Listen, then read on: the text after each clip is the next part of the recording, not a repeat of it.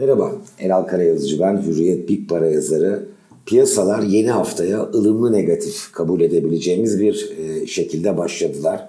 Manşette Avrupa Liderler Zirvesi var. Hafta sonunda gerçekleşti. Bir günde uzatıldı. Cuma başlamıştı. Pazar dahil devam etti. Ve sonuç dersek henüz alınmış bir karar yok. Üzerinde uzlaşılmış bir nihai e, kurtarma paketi ve önümüzdeki 7 yılın mali bütçesine ilişkin bir konsensüs yok. Fakat uzlaşmanın zemini var. Bu da oldukça önemli. Bu nedenle de piyasalardaki bu ölçülü negatif sayabileceğimiz açılış borsa endekslerinde yaşanırken Avrupa para biriminin yeni haftaya Euro'nun dünya genelinde kuvvetlenerek başladığına ve hafta sonunu aslında hisse senedi piyasalarının ilk açılışta ılımlı negatif fakat para piyasaları tarafında Euro'nun ise belirgin şekilde e, pozitif fiyatladığını görüyoruz. E, ne olacak burada? Muhtemelen henüz tarih belli değil ama yakın zamanda belki de iki hafta içinde yeni bir zirve gerçekleştirilecek. Epey bir ilerleme kaydedildi. Önemli olan o uzlaşmanın zemininin oluşmasıydı. E, liderlerin yeniden bir araya gelmesi ve bir karar alınması bekleniyor.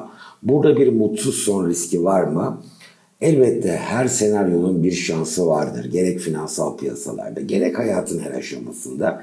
Fakat bu riskin olasılığı son derece düşük. Kuvvetle muhtemel biz e, yakın zamanda Avrupa'dan kurtarma paketiyle ilgili bir uzlaşmanın e, kararının alındığına dair bir haber alacağız.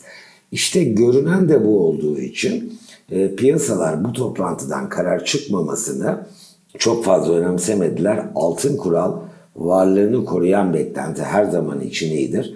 Muhtemelen biz ilerleyen günlerde e, bu faktörün e, piyasalar üzerindeki destekleyici yönünü yine hissedeceğiz. Ki hissediyoruz.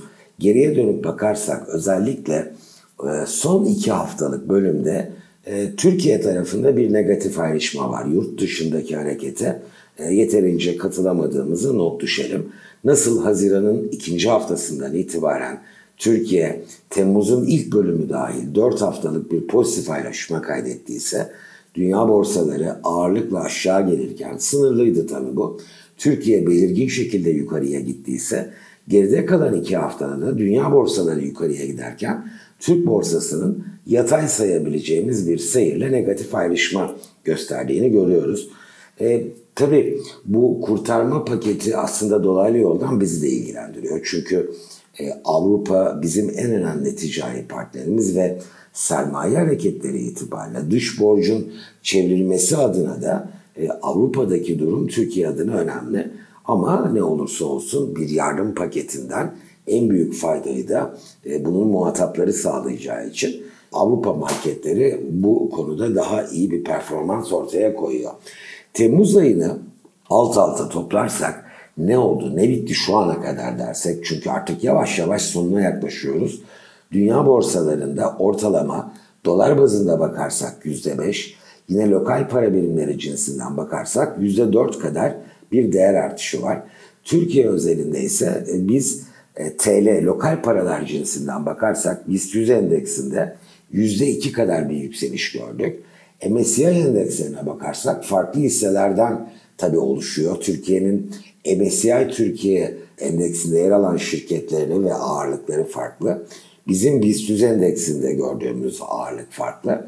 Yabancı yatırımcıların yoğun işlem yaptığı hisselerden oluşan MSCI Türkiye endeksi ise dolar bazında %1.2 kayıpla şu ana kadar olan e, bölümde e, dünya borsalarından Temmuz'un bütününde de net bir şekilde negatif ayrışma kaydetti. Çünkü dolar bazında MSCI endekslerinde artış %5 kadar oldu. Benim beklentim e, piyasalarda bu e, yumuşak hareketlerin bir süre daha devam etmesi fakat toplantı tarihinin Avrupa'da belirlenmesiyle birlikte farklı bir dinamik öne çıkıp bastırmadıkça bu unsuru olumlu seyrin daha hissedilir hale geleceği yönünde. Dört ana unsur var aslında finansal piyasaları etkileyen.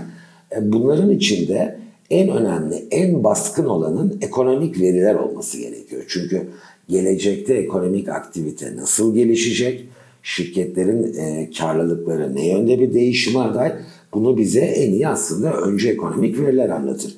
Fakat bu unsur bu 2020 özelinde e, geri plana düştü ve en etkili dördüncü manşet oldu. Çünkü ekonominin geleceği üzerinde dışsal faktörler çok daha belirleyici oluyor.